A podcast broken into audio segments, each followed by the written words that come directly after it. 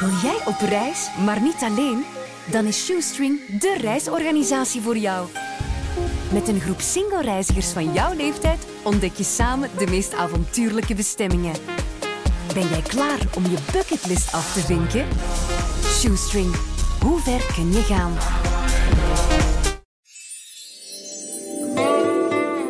Het leven begint bij 40. Een inspirerende podcast voor de 40-plusser. Welkom bij een nieuwe podcast. Het leven begint bij 40. Ik voel nu al dat dit een topgesprek wordt. Want het gaat onder andere over gelukkig zijn. We willen dat allemaal zijn. Nieuwe inzichten zijn altijd welkom. En Slonks gaat die ons geven. Oh ja, de Ja, Slongs Slonks, ik verwacht zoveel van jou. Hè? Ik heb eh, een paar interviews met jou recent gelezen. En ik dacht echt, ik moet dat boek ook hebben. Maar heb je het bij je boek? Lach Ehm, naar mij. Nee, nee, Enke, ik heb, ik heb het niet bij. Ja, ik ben zo als marketingmanager, daar ben ik dus geen held in. Eh, administratie en zo, eh, no. Ja. Ehm, ja, maar vertel 40 eens over je boek. Wat, wat, wat is het voor iets? Ehm, het, het boek gaat eigenlijk... eh, Mensen vragen geregeld af van... ehm Slons, is hij nu echt zo oprecht happy? Of, of pakt hij iets? Of eh how does she do that? Altijd positief, het glas is altijd half vol. Ehm, wel, ik, ik heb dat mezelf aangeleerd. ehm, met behulp van bepaalde mensen waar ik naar opkijk. Ehm, en dat is op een jonge leeftijd begonnen bij ehm, mensen zoals Bob Marley. Op latere leeftijd is een Dalai Lama erin geslopen.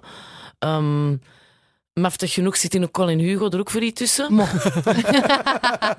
wat een mooi gezelschap. zeg. Ja. Eh, dus eh, het is eigenlijk... ik heb mijn eigen aangeleerd om gelukkiger in het leven te staan. Letterlijk. Ik heb ehm, mezelf ehm, bepaalde... Ja, technieken zijn dat niet, maar ehm, je kunt je brein eigenlijk eh, trainen. Je brein is de computer. En wat dat je erin stikt, zal er ook uitkomen.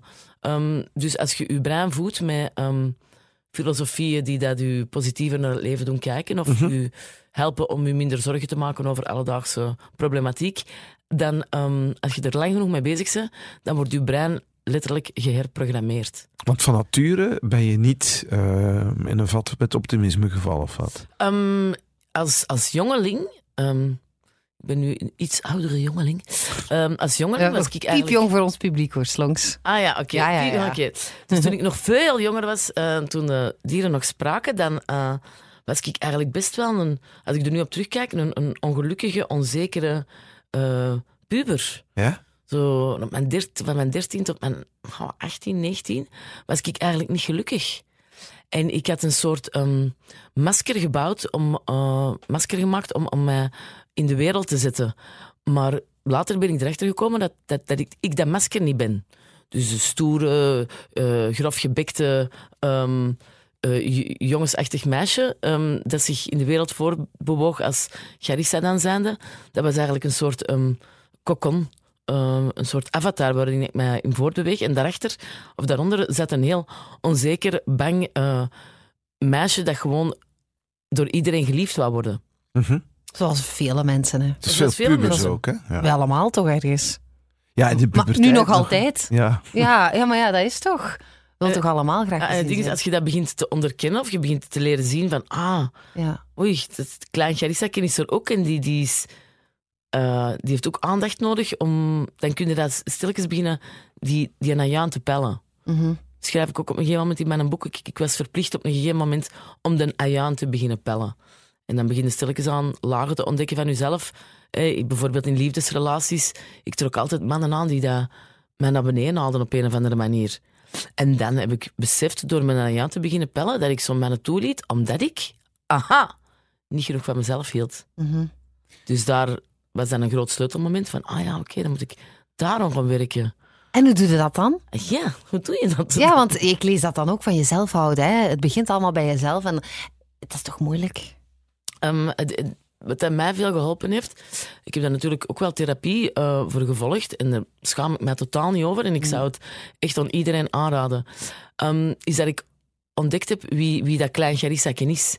Wie dat bangmeisje is dat eigenlijk geliefd wilt worden en gewoon mee wil spelen met de rest.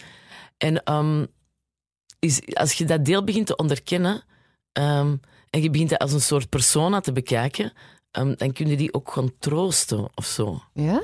Jezelf als derde persoon eigenlijk voor een stuk. Ik bezien eigenlijk mezelf, en, en jullie daarbij ook, ehm, als zo inherent sowieso schizofreen. Sowieso. Ja, we hebben allemaal verschillende deelpersoonlijkheden die samen Anke maken of Sven of Slons. Eh, bijvoorbeeld, ehm, als het gaat over eh, de oceanen dat overlopen van plastic, dan komt er een heel strijdvaardige eh, Slons slash Anuna de Wever boven. Ja. Als Matthias Schoenaerts op tv komt, komt er een heel andere Gerissa naar boven. Nee, nee. De geilste Garissa komt dan naar boven. Dan komt elk deel van Gerissa naar boven. Ehm, maar het hangt er vanaf in, in welke omstandigheden dat ik mijn eigen bevind, eh, welk deeltje dat het voortouw neemt. En dat is Ja. oké. En dat is oké ja, ik heb daar geen, neem daar ja. geen medicatie voor. Nee, oké.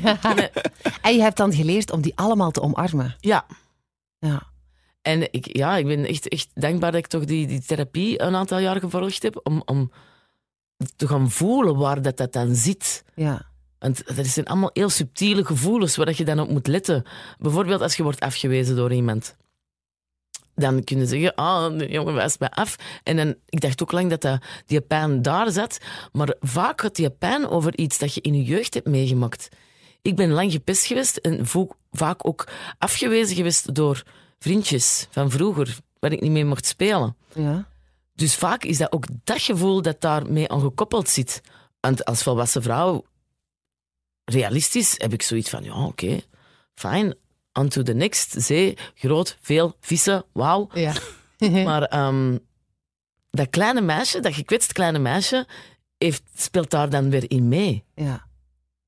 En dat zo. meisje, dat gaat niet weg, dat blijft je dat blijft altijd. daar altijd in. Ja, want het is niet dat je therapie hebt gevolgd om af te geraken van dat kleine meisje. Nee, je, je blijft wie dat je bent, hè, maar je Ja. leert een beetje rapper eh, zien wat dat er nou net speelt. Ja, En je kunt gemakkelijker je eigen troosten, ja. of zo. En ook snel relativeren en er terug voor gaan. Ja. Ja. Ja. Oh, maar ik vind dat wel een mooie kijk. Ik had het nog nooit zo bekeken. Dat neem ik al mee uit dit gesprek, zeg. Verschillende anketjes. Ik omarm ze allemaal en ik troost de drama queen. Maar ik ken de verschillende hoor. Ja. ik, zit, ik zit elke ochtend met een pak van die ankes in de Ja? studio. Ja, maar dat is weet een wel. mooie manier om naar te kijken. Ja. Ja, het is een manier. Als het voor, als het voor een jou manier werkt, voor- dan is het Ik dan zeg is niet dat belangrijk. is, maar voor mij werkt dat Ja, wel ja. of zo. Ja. Ja. Zeg maar, maar dan, eh, ja, eh, je, je hebt leermeesters, wel, wel speciaal wat je zegt. Je gaat van Bob Marley over de Dalai Lama naar Nicole en Hugo. Eh, wat heb je van, van, maar echt zo van mechanismen meegenomen van die mensen die je nu noemt om, om gelukkig te zijn? Bijvoorbeeld van Bob Marley heb ik geleerd dat je... U... Smoren. Piep. Eh, heb ik geleerd dat je van je zwakte je sterkte ook kan maken. Ja? Bob Marley was ehm, een, een, een, een dubbelbloed. Hij was Mhm. hè, zoon van een eh, blanke vader en een zwarte moeder. En hij werd niet aanvaard, nog door de zwarte, nog door de blanke. En ehm, dat heeft tegen hem gespeeld, totdat hem dat ehm, zelf heeft omarmd en dat heeft omgedraaid. En zijn eigen als speelfiguur is beginnen opstellen tussen de blanke en de zwarte gemeenschap. Oh, ja, ja. Ehm, dat is een klein dingetje van... Nee, nee, maar het is goed, maar het is heel concreet. En dat, is heel wel concreet. Ja, en je hebt ook du- du- dubbelbloed, hè? Ik heb ook dubbelbloed. Maar het is Ja. mooi. Sorry, maar nu ben ik waarschijnlijk eh, helemaal weg van de wereld. Maar ik, even in mijn hoofd zei het halfbloed. Maar dubbelbloed, dat is, dat is de manier om er op een positieve manier... Dat is een veel Ja. mooiere manier om erover te maar ik, had, praten. ik had het echt nog nooit gehoord. Halfbloed is alsof dat je niet een volledig mens bent. bent. Ja, ja, Maar tuurlijk. dubbelbloed is dat je van de twee... Maar ja, tuurlijk. En dat is het eigenlijk ook. Hè? Ja. Het is ook echt dubbelbloed. Ja. Oh, cool. En bijvoorbeeld mensen die een soort handi- handicap hebben of een beperking, zie je vaak dat die dat ook kunnen omdraaien in een sterkte. Die beginnen, dus bijvoorbeeld een man zonder armpjes en zonder beentjes, die ongelofelijke, fantastische TED-talks geeft. Ja. Als ja, ja, naar- ik heb die alles Als je gezien. naar die TED-talks Ja, ja. kijkt, eh, niemand blijft onberoerd. Dat, Mhm. is, dat, dat opent eh, je hart in... in ah, dat klinkt nou ook heel spiritueel en zo, maar it really opens your heart. Ja, ja. Je voelt echt iets opengaan en je laat een, bepaalde, een bepaald gevoel toe en je wordt erdoor geraakt, zelfs al heb je geen beperking. Dan beginnen zo je eigen... Zo van, oh wauw, wat zit ik mijn eigen net toch eigenlijk fucking zorgen te maken. Sorry voor mijn taalgebruik soms. Maakt niet uit. Ehm, Het is de podcast, alles kan hier langs. en nu- Dat is echt. Zeg, de Dalai Lama. Dat vind ik ook de wel Dalai, wel- dat is, dat is mijn, mijn homeboy. Eh, de Dalai Lama die is in mijn leven gekomen toen ik twintig was, denk ik.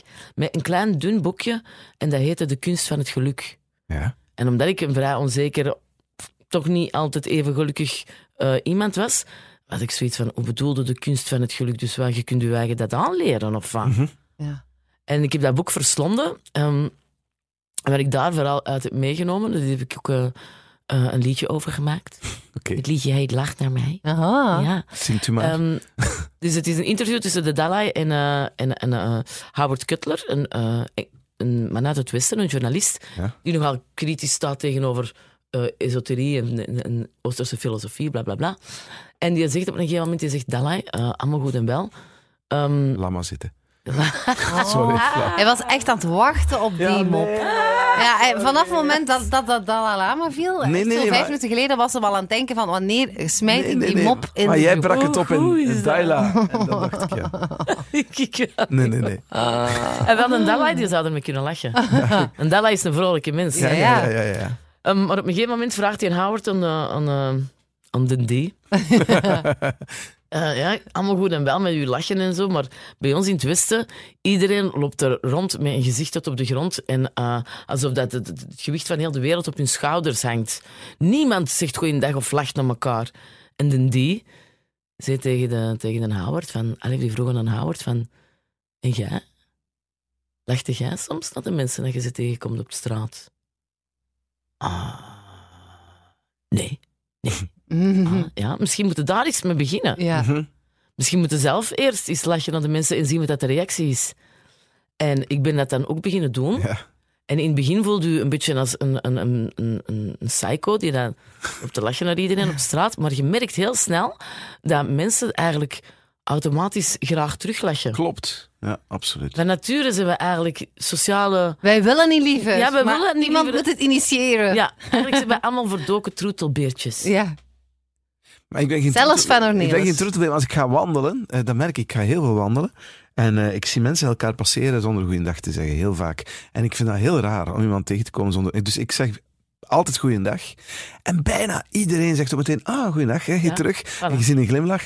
En dan zijn een paar van die rare peoples die dan niets doen en Maar die zijn misschien geschokt, want die weten misschien Ja, ja. niet dat ze moeten Of reageren. ongelukkig. ja, en dan zit je al een kilometer verder en dan denken ze, had ik toch maar iets gezegd? Voilà. Misschien. Dan loopt hij achter de hoek en dan verschijnt er misschien toch een flauwe grijns op deze gezicht, maar dan heb jij dat niet meer gezien. Ik, ik heb eh, deze week voor de tweede keer in een paar maanden tijd een gsm op het wandelpad gevonden.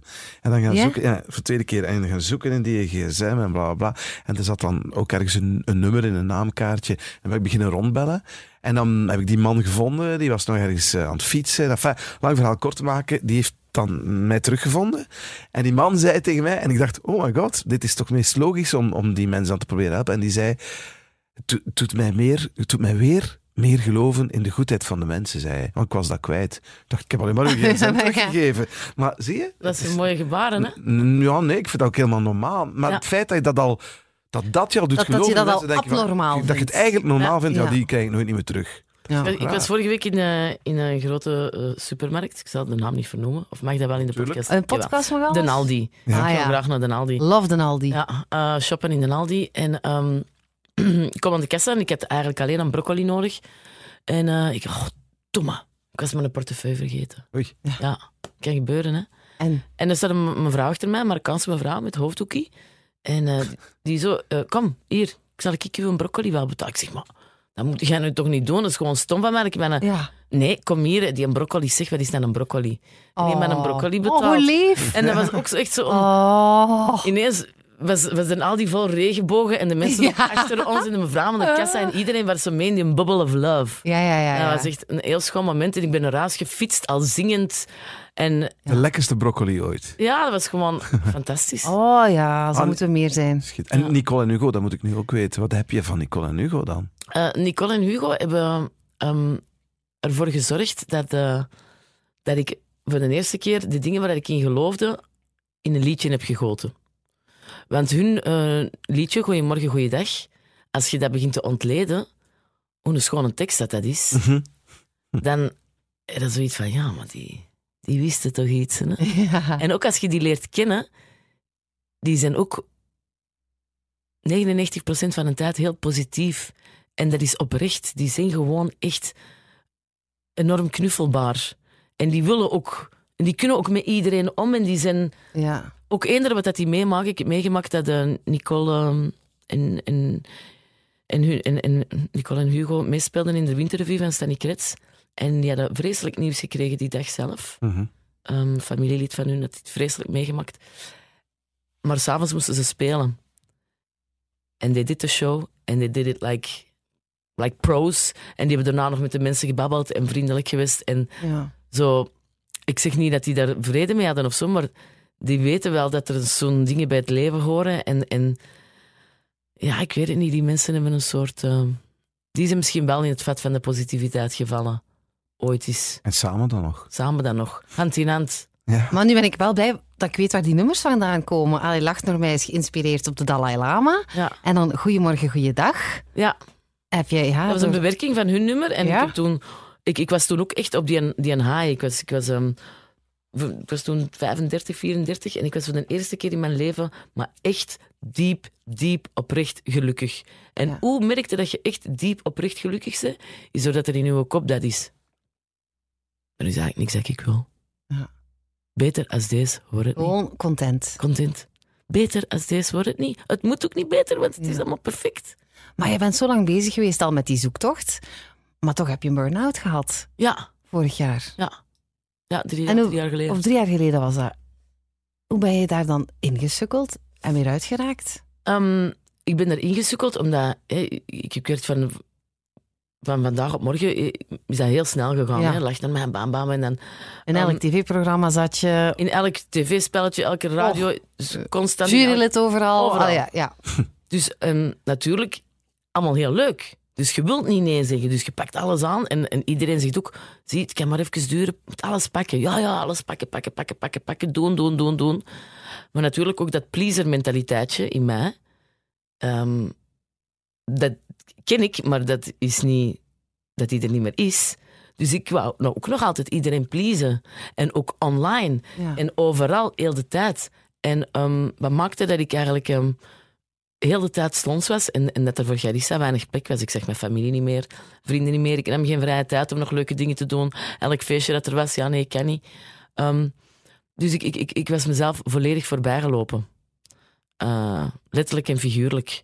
En eh, ik was toen na die drukke periode op reis geweest en ik merkte voor de eerste keer, ehm, als ik terug alleen was, helemaal op mezelf, van wauw, ik voel me niet goed. Ik ben bang voor iets dat er niet is. Er is een stuk van mezelf waar ik niet meer mee in contact kan komen of zo. Ik was in- het buitenland en Slons bestaat daar niet. Mhm. Dus ik besefte van, ik heb drie of vier jaar heel mijn leven geleefd als Slons. En Garissa, where she at? That girl are gone. Ja. Ja, gone.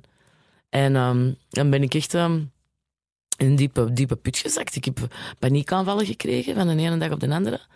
Ehm, en dat is, in retrospect, is dat een dankbaar gegeven, omdat u, uw lichaam en uw geest zeggen: Hold up, wait a minute. Want anders blijft het doorgaan. Ehm, met alle gevolgen van dien. Ehm, dus ja, nu heb ik zoiets van dankbaar dat dat gebeurd is. Ik zou het niemand toewensen. Want hoe gaat dat dan als je paniek aan... Je krijgt een paniekaanval gewoon... eh, pff, random, Van de ene ineens. dag op de andere. Ja. waarover, ik kan je dat benoemen, waarover die paniek gaat? Dat gaat niet over iets. Dat is ehm, een, een gevoel dat overneemt. Dus uw bijnieren maken alleen nog adrenaline aan. Mhm. En eh, de andere hormonen die die adrenaline naar beneden moeten brengen, die, die werken niet meer of zo.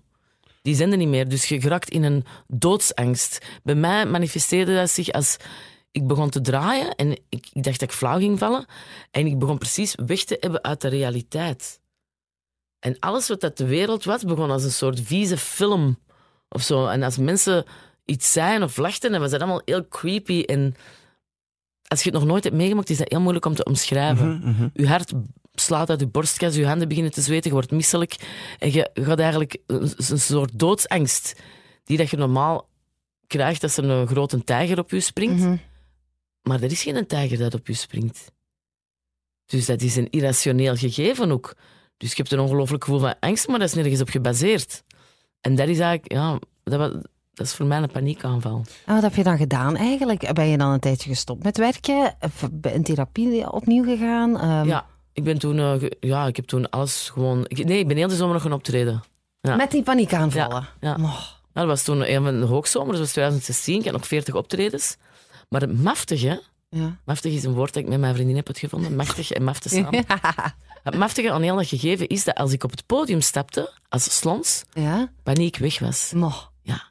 Dus als alter ego Als lukte het alter wel. ego lukte Ja. het wel. En als ik dan terug van het podium stapte, bam, was die angst er terug. Ja. Heel, heel raar. Dus ja, je hebt zoiets van, eh koek, koek. Ik zei, ik zei, I'm losing my mind, hè. Dat dacht ik. Ik dacht dat ik gekant worden was. Want ze voelt dat, hè. Hoe komt dat als ik op het podium sta als slans, Ja. dat ik dat niet heb?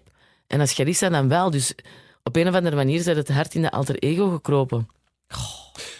Maftig toch? Maar ja, en nu, maar, maar het is volledig voorbij. Je bent er volledig uitgeraakt. Ja, ik, ik heb onlangs ehm, nog wel zo een, een lichtelijke paniekaanval gekregen. En dat was toen als ik moest gaan eh, eh, discussiëren over een nieuw platencontract. Ja. Maar dan komt er ook weer ineens heel veel pressure en dat pleaser-mentaliteitje komt weer boven. En er wordt weer veel van jou verwacht, of niet. Of dat denk je dan. En dan had ik het ineens even terug. Oh, ik vind dat wel heel herkenbaar hoor. Ja? Ik denk voor veel mensen.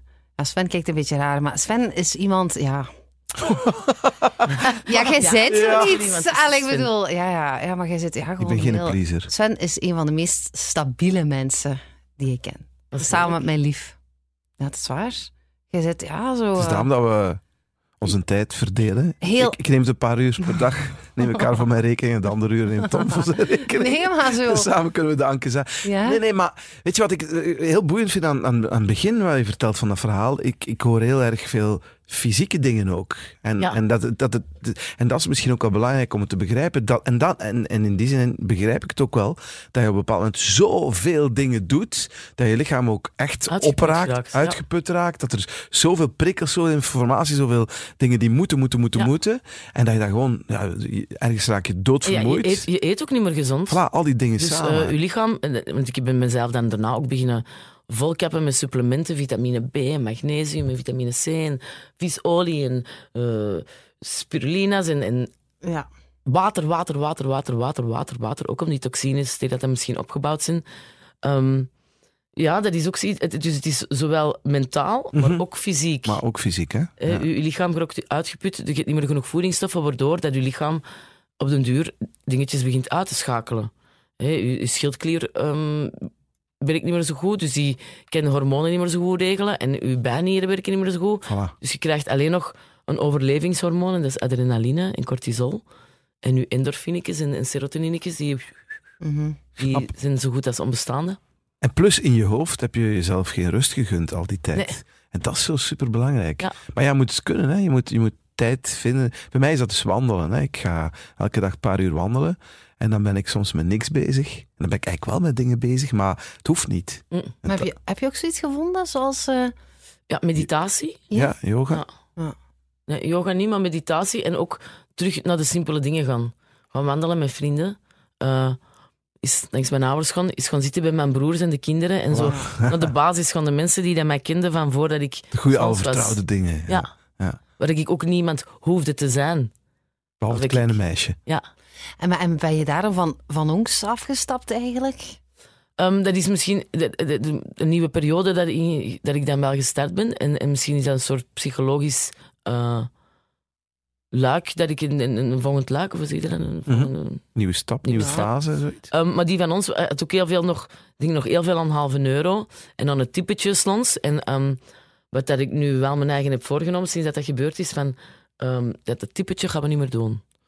Ik ga gewoon Jarissa als zijn. En if you feel bad, dan mogen ze het weten. Ja. If you wanna cry, mogen ze het weten. Er, alleen maar door mezelf te zijn, kan ik dit volhouden en anders niet. ja. Zeg, ehm, de naam van deze podcast, we zijn ondertussen bijna een Ja. half uur weg. De naam van de podcast is Het leven begint bij 40. Voor veel mensen ehm, blijkt dat voor een stuk waar. Dat is natuurlijk niet helemaal waar, want je bent al 40 jaar bezig. Maar het is voor veel mensen wel een keerpunt. Kan je daar iets in, in voelen of in, in zien? Rond die leeftijd, hè, dus eh, 40 Ja, want je bent nu 41, Ja. hè? Maar zeker, ehm, hè, bijvoorbeeld die burn-out is bij mij gekomen op mijn 38. Eh, dus ik heb echt eh, een hele grote persoonstransformatie-achtige midlife crisis slash weet ik veel Ja, van alles nog wat gehad. En ehm, het is effectief zo dat de rust in je hoofd is iets wat dat misschien iemand van 26 ni- nog niet echt kent. En dan vind ik wel zo van, wauw, ik ben nu wel blij dat ik dat bereikt heb. Hoe ouder dat, nee, hoe meer ervaring dat je hebt in het leven, hoe meer dat je dingen kunt relativeren en hoe beter dat je in staat bent om de rust te bewaren of op te merken wanneer dat de rust ont, ontwegebben is. En in dat opzicht vind ik dan wel dat eh, het een cadeau is om op level 41 te zijn gerokt. ik vind dat we daar... Level 41, Level dat klinkt al 41. fantastisch. Zo nu stoppen met 41 jaar, maar level 41, level 5... Oh, jij zit al Ja. op level 65, wauw. Maar ik heb nog veel leren voordat ik daar Ja. zit. Ik voel Ja. me eigenlijk nu als op level 41. Want we hebben al heel veel mensen in de podcast gehad die eigenlijk op 40 jaar wel, eh, moet ik het zeggen, de schaapjes op het droge hadden. In de zin van een goede job en een gezin. Maar jij bent single en ook kinderloos. Kinderloos en ik heb een heel onzekere job. Ja, Ja. ook. Dus ik vind dat, we hebben echt zo'n atypische podcast Ja, gast. volledig los tegen eh, alle verwachtingspatronen in. Ja, Ehm, ja, Vind je dat go- goed? Dat is je bewuste keuze? dat is een bewuste keuze. Elk onderdeel daarvan. Eh, ja, Of toch? Ja. ik, ik, ik, ik zou met iemand kunnen samen zijn, hè. ik zou dat kunnen. Maar dan, nee, ik geloof dan, ik noem mij dan heel eh eriferie, maar ik geloof in de ware liefde. Ja. Ik geloof niet in settelen van, oh ja, ik ben nu 41, ja, volgens de Ik pak statistieken wat er nog moet is. ik nu, ja, voilà. Nee, dat kan ik niet doen. ja. En kinderen, ja, daar geloof ik dan ook in als dat in een perfect mooie symbiose kan, dan misschien wel. Maar ik ben het tot nog toe, toe niet tegengekomen en ehm, ik heb echt niet de drang om bewust ongehuwde moeder te zijn. Ik heb ook die, die klok niet dat die al een tijd zo tik, tik, tik, tik. Heb ik niet. Het moet gewoon kloppen helemaal. En dan kan alles. Ja, dan kan nog van alles. Hè. Voor Hetzelfde geld kom ik op N47. eh Matthias Schoenaerts tegen. Dat is hem toch wel, hè? We En moeten al niet meer vragen naar je favoriete one-night stand. en dan zegt hij, nou, ja, zeg, wat is het? Gaan we niet ook wat kindjes adopteren, gelijk Madonna? Dus ik, ja, dat is goed, man, we doen dat. Maar, maar eh, heb je al echt eh, ware liefde gekend in die 41 jaar? Of, Ik heb- of ben je altijd al zo... pff, Nee, ik heb echt al heel mooie personen gehad die mijn leven verrijkt hebben. Ja. Sowieso. En ik ben al heel verliefd geweest. Ik ben ook al heel verdrietig geweest. Maar ehm, ja, de ware liefde, als het dan de ware liefde was, dan, het, het- Dan was die er nog. dan was het er nog. Of dan had mijn gevoel daar toch nog geweest of zo. Mhm. Ik heb wel bijvoorbeeld ehm, iemand ontmoet, jaren geleden, die dat voor mij heel veel veranderd heeft in hoe dat ik naar de liefde kijk. En in dat opzicht heeft hij een heel belangrijke rol vervuld in dat verwachtingspatroon van wat dat liefde moet zijn. En wat moet het zijn? Wel, hij heeft mij geleerd dat... ehm, hè, we, we zeggen allemaal zo, we spreken allemaal zo onvoorwaardelijk liefhebben. Hè? Dat is zoiets wat dat we allemaal uitspreken, maar we weten eigenlijk niet wat dat, dat wil zeggen. We vinden dat heel moeilijk. We kunnen dat voor onze kinderen Mhm. onvoorwaardelijk graag zien. Maar voor een partner, onvoorwaardelijk graag zien, dat Tuurlijk is niet. nog een andere. is ook op het- Dat is een hele de moeilijke. voorwaarden moeten ook een beetje Ja. kloppen ook. Maar ehm, hij heeft mij geleerd dat ehm, wij van elkaar kunnen houden. En dat hij ook, of ik, ook van andere mensen kunnen houden. En nu denkt iedereen, oh ja, soms zat er zo in mee en dat de Slongs is een swing, slongs is een swing. Wat heeft hij mooie principes bijgebracht? Het brainwashen is gelukt. Nu willen al die mensen weten, hoe krijg ik mijn eigen vrouw ook zo ver?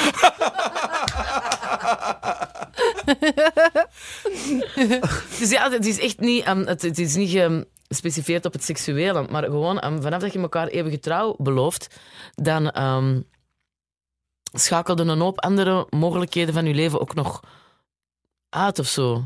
Misschien zeg ik dat onduidelijk. Maar ehm, Dat je dan niet kunt leren van anderen of zo. hij of- heeft mij geleerd van dag tot dag te leven. Ja? Dat is ook zoiets dat we heel... Ah, maar ik leef van dag tot dag. Hm. Echt? Really? ja. Ik, ik, Ja, oeh, als ik- ik dat hoor, denk ik, nee. Oh nee. Ik vind dat vermoeiend. Het leven is al zo moeilijk. Allee, zo, zo vermoeiend, drama. Dan heb ik toch liever iemand die echt naast me staat, waarvan ik 100% zeker weet, we zijn er voor elkaar Dat weet je altijd. toch nooit? Maar wel bij mij.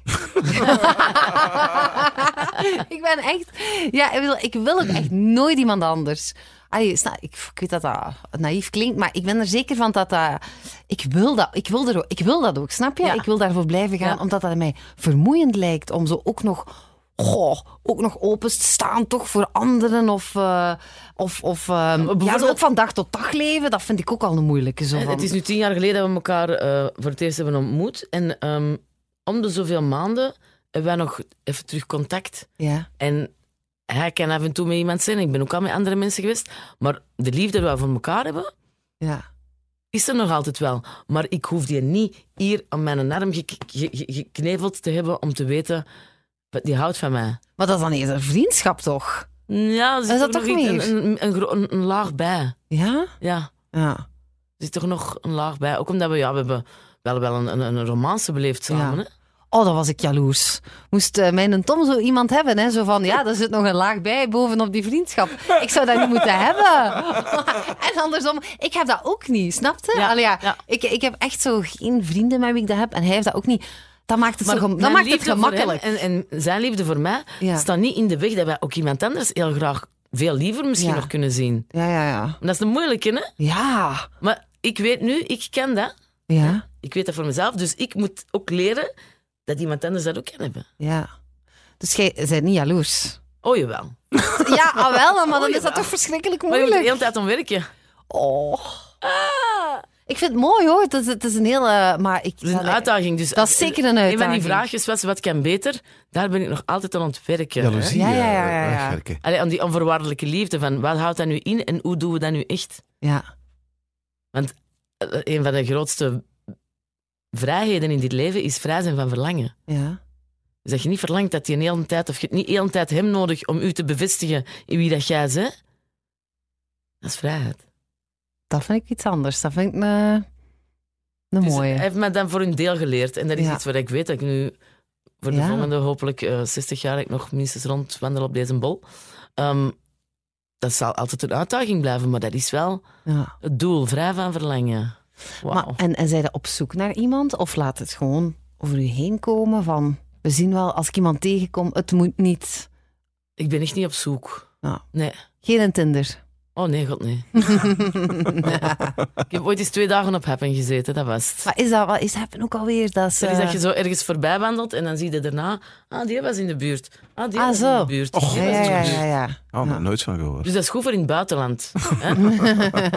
Zo over de Ramblas in, in Barcelona en Ja, daarna die- is het, eh, ah, die liep daar ook in de buurt, dus Ja, ja, ja, ja, ja. vanavond misschien iets gaan drinken. ja. Maar En heb je dan echt zo afgesproken via. Happen? Nee, nee, gewoon zo, hallo, wist. Oh Ja. nee, god, nee, dan terug, nee. Nee, nee, nee. nee. Nee, I I don't like it. Ik hou van spontane dingen noemen en dan oldschool of zo, maar Ja. Café. op café. Gaat je op café? Ik ga graag op café. Ja? Ja. Wat drinkt je dan? Daar hangt er vanaf. Soms een thee citroen in het begin. Bodemke leggen zegt. en dan kavaatjes drink ik graag. Ja? En als, in, in, in iets chicere keet is een goede witte wijn. Ja? En mijn grote liefde is nog altijd eh rumcola. Echt? Ja, dat is mijn grote liefde. Ja. Maar noemen ze dan een, een, een Bacardi Cola? Dan, Nee, een Bacco is geen echte, co- is geen echte rumcola. Hè? Want Bacardi, voor de echte rumdrinkers, Bacardi is eh, Amerikaans. Ai. Dus het is gekaapt van de Cubanen. Ja? Dus in Cuba zeggen ze, een Bacardi is een kleine leugenaar.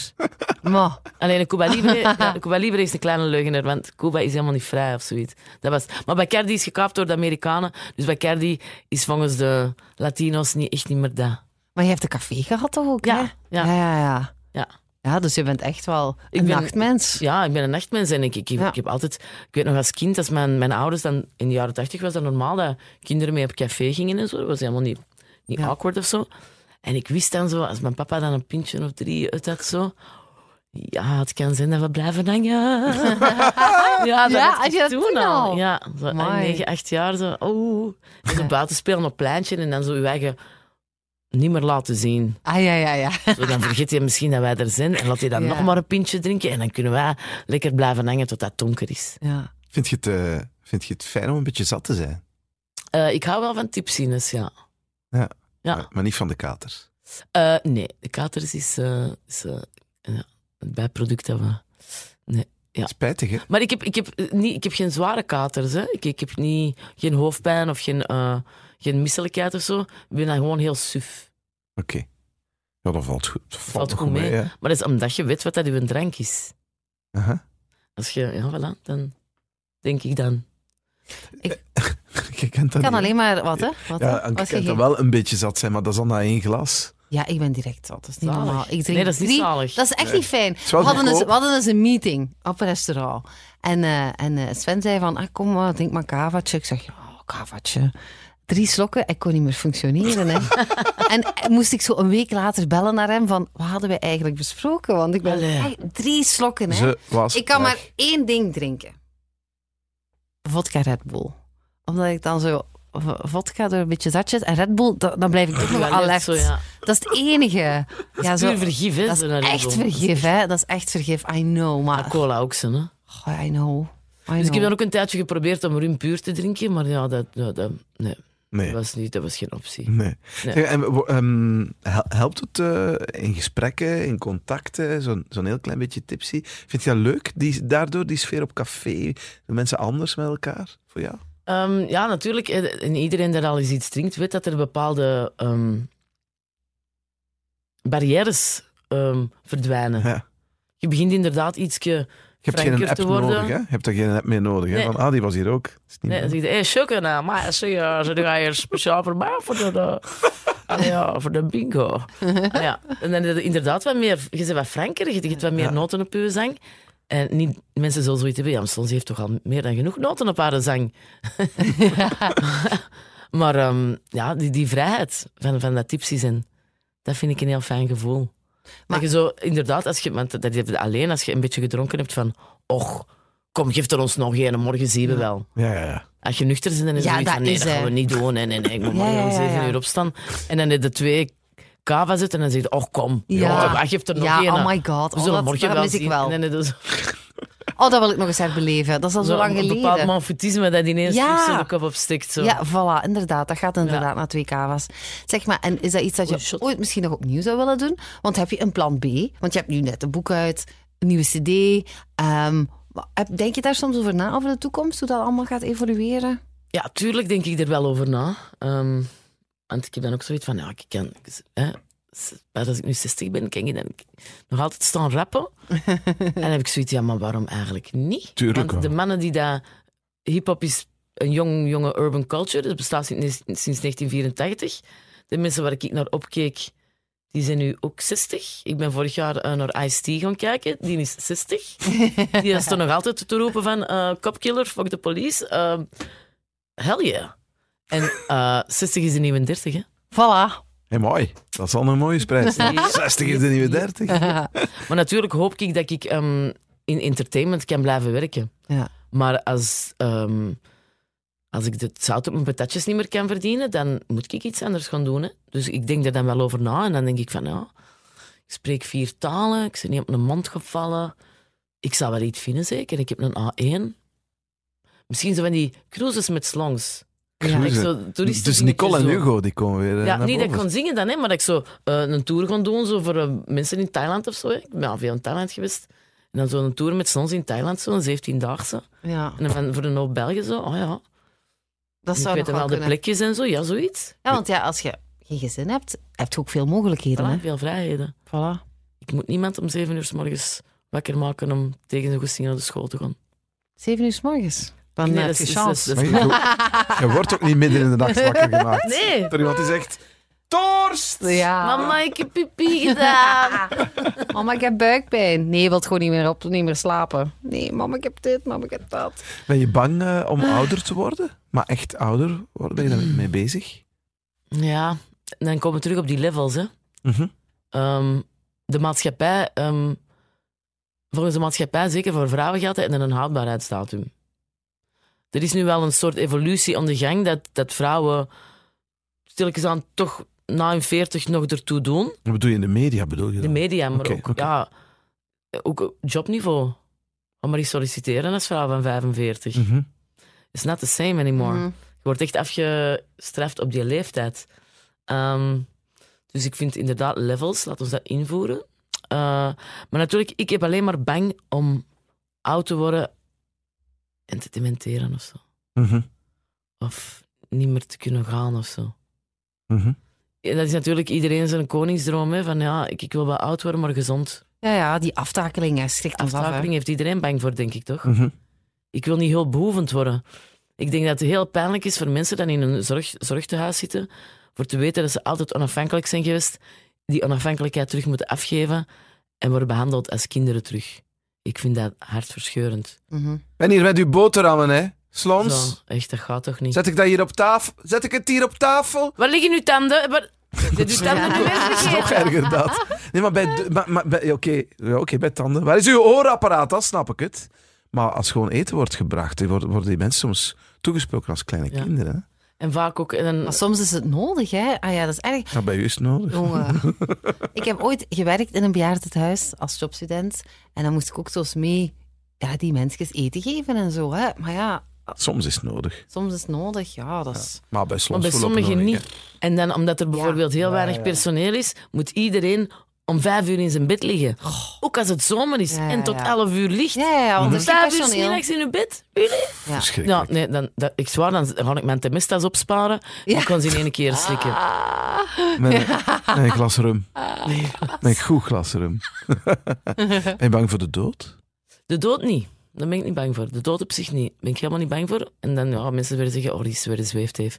Uh, Ja, maar maar serieus, maar, maar, ik geloof dat- in is leven na de dood. Je gelooft Ja. wel in Ja, leven na de dood? Echt? ja. Maar en hoezo dan? Wat denk je dat er gebeurt? Ehm, ik heb er nu ik ben onlangs weer veel over aan het lezen, over ehm, bijna doodervaringen. Ja. Maar dan vanuit de wetenschappelijke... Allee, dokters dat daarmee bezig zijn, die dat daar onderzoek naar doen. En ik ben zelf ook al uitgetreden door middel van meditatie. Dus ik ben al los geweest van mijn lichaam, heel bewust. Alsjeblieft. Ja, hier, andere, wat? Wat zie je nou? Ja, ik ben... eh, Dat gedroomd. Nee, nee, nee, dat was niet aan het dromen. Dat is heel bewust dat het gebeurde. Waar Ah. waren we dan naartoe? Eh, ik, ik ging gewoon buiten uit mijn lichaam. Dus het was een soort meditatie en dat was erop gericht om een out-of-body experience te hebben. En ik had ook zoiets van, baat het niet, dan schaadt het niet. Ik kan het eens proberen. Op een gegeven moment, ik begeleid u dus in die meditatie. En die zegt, je moet nu met je lichaam beginnen rollen, maar met je mind en niet met je lichaam. Dus ik begin dat te doen. Zo, ik, ik stel me voor dat ik begin te rollen. En op een gegeven moment begint mijn lichaam op een heel hoge frequentie te vibreren. En ik word in de zetel geduwd. En er is een soort stem die zegt, je moet niet bang zijn, je moet niet bang zijn, je moet niet bang zijn, je moet niet bang zijn. Dus ik geef mij over en ik vloep ineens uit mijn lichaam. Mo. En ik ging zo in... Ik zeg, Dus je ziet die twee keer staan. ik zag mijn eigen in de zetel liggen. En ik Ja. zo, maar ik had hetzelfde bewustzijn als nu. Dat is niet dat ik ah, etherisch was Ja. of zo. Ik had zoiets van, nou, laat mij naar liggen. hier, hier hang ik dan. Waarna? Ah, En, ja, toen? waarna? en toen? En toen dacht je, En ik, ik zo, moet ja, ik heb ergens gelezen dat je dan ook gewoon door de muren en zo kunt. Dus ik, ik vlieg door de muren, ik ging ineens in het midden van de straat. Ik zo, ja, oké, goed. Nee. Zo, Maar waarna? allee, jongen. Ik zo, waarna? Ik zo, ik kon niet naar de stratosfeer, dan ga ik dat eens doen. Hè. Ja. Dus ik vlieg naar boven en ik denk, ja, ik kan niet naar in de stratosfeer, dat is gewoon de planeet. Ik zeg, maar dan kan ik juist gelijk Superman er rondhoek. Maar echt met datzelfde Garissa-bewustzijn, hè. Ja. Ik was gewoon mezelf helemaal. En een paar keer rond de planeet. Ik denk, ah, ging nu naar de, ja, gelijk Superman. En ik ging ik zo toe. En, eh, ik, en ik denk, ja, van nu dan, dan ga ik naar de zon. En ik was onderweg naar de zon en ik zo, ah, maar hoe raak ik nu terug? En met dat ik dat dacht, word ik gecatapulteerd en kom ik bedaf terug in mijn zetel. Ik zo, wow, what the fuck was this? Waarom heb ik nou juist meegemaakt? En dat, dat was zonder onder verdovende middelen. drugs Ja, en ik wou nee. net zeggen, dat is Nee. puur meditatie. Gewoon Ja. je mindset. Ik, maar ik, ik, ik, ik, eh, ik treed even uit mijn lichaam nu en ik, ik treed in het lichaam van een luisteraar die nu aan de andere kant van de podcast zit en die zegt, dat is zo zot als een zot achterdeur. als een achterdeur. Ja, ik zou mensen dan toch aanraden om eh, het boek van eh, Pim van Lommel eens te lezen Ja? en eh, het boek van Alexander eh, Ebener. Twee artsen, de ene is een neurochirurg, de andere is een hartchirurg. Eh, die hartchirurg is altijd bezig geweest met die buiten bijna doodervaringen te registreren. Heeft er echt Mhm. wetenschappelijk onderzoek naar gedaan. En dokter Alexander Ebener heeft, is neurochirurg en heeft zelf een bijna doodervaring meegemaakt. En heeft daarna heel zijn carrière omgegooid en zijn leven daaraan gewijd. Maar dat is neurochirurg, dat is zoiets van nee, nee, dood is dood. Hersendood is dood. Ja. Mhm. Dat is wat je leert. Maar omdat hij het natuurlijk zelf heeft meegemaakt, heeft hem zoiets van, yo, wow. Maar wat, wat gebeurt er dan? Allee, wat, wat denk je dat er dan gebeurt als, als, eh, als je sterft? Maar gaat je geest dan, komt die geest in een nieuw lichaam terecht? Of blijf je rondzwerven? Allee, wat, Ik, ik denk dat we terug een soort van geheel worden met, met de universele energie. ik Maar bewust. met een soort van bewustzijn, maar niet meer. Ehm, je je hebt nog wel bewustzijn van, van welke entiteit dat je bent, maar je bent een soort van geheel. Ehm, hoe moet je dat uitleggen? Je bent niet meer afgescheiden. Er is niet meer zoiets als afgescheidenheid. Alles is één of zo. Ja. Maar en geloof je dan ook in zo van die sixth sense-achtige toestanden? Zo het paranormale? Of in contact zoeken met... eh Met de overledene. voilà. Ehm, ik geloof dat dat kan, ja. Ja? Ja. Heb je dat al gedaan? Ik liet vroeger soms ehm, een madameke komen in het café, omdat een café is een plek waar heel veel mensen binnen en buiten komen. Mhm. En sommige mensen hebben energie bij. Je kunt soms ergens binnenkomen en zoiets hebben, wow, Ja. is hier geladen. Oeh, maar dan hier een raar sfeertje. Something like that. Ja. En ik liet geregeld iemand komen die dat dan zo gezegd, hè, Proper zo maken gezegd zeggen, hè, Sven, de energie kwam opkuisen. Ja. Een beetje het huis kwam zuiveren. En op een gegeven moment ehm, er mijn vrouwtje overleden, want ik had ook een gepensioneerde bingo-club. Eh, ja, ook dat. Mooi. En eh, dus overleden geregeld mensen. En eh één vrouwtje, dus die, komt, die, die mevrouw met die energiezuivering, die komt in de zaal. Die zo, ja, ik, ik zie hier zo, daar op dat plekje, een nogal klein, bazig madameke met een brilletje. Maar ik zeg niks, hè. Ik zeg niks. Ik zeg, Ja. dat kan, dat kan. En die gaat verder het huis opkussen en bla bla bla bla bla. En daarna komt hij dan aan tafel, die doet een ritueeltje met een Maria-beeldje, steentjes, kaarsjes. En ehm, die begint zo wat in trance te gaan. En eh, die zegt, ja, ik denk dat het opgekust is. En ik voel zo rillingen over mijn rug gaan. Ja. Ik zeg, Georgette, ik denk het niet. Ik zeg, ik zou er nog eens even terug in trance willen gaan, want ik voel nog het een en het ander, kunnen nog eens even terug gaan. Wat bleek? Dat madameke was blijven hangen, want die wou vergiffenis vragen aan haar echtgenoot. Maar, eh, hoe, en hoe wist die dat dan? Georgette. Die gaf dat door.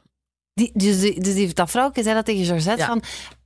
En Daarom dat die blijven hangen was. Ja. Om dat duidelijk te willen maken. En ik kende die haar echtgenoot. Maar ik wist Ja? ook, die een echtgenoot is, zoals Sven, heel nuchter en heeft zoiets van eh Ja, ja. spoken en zo. Hey, hallo.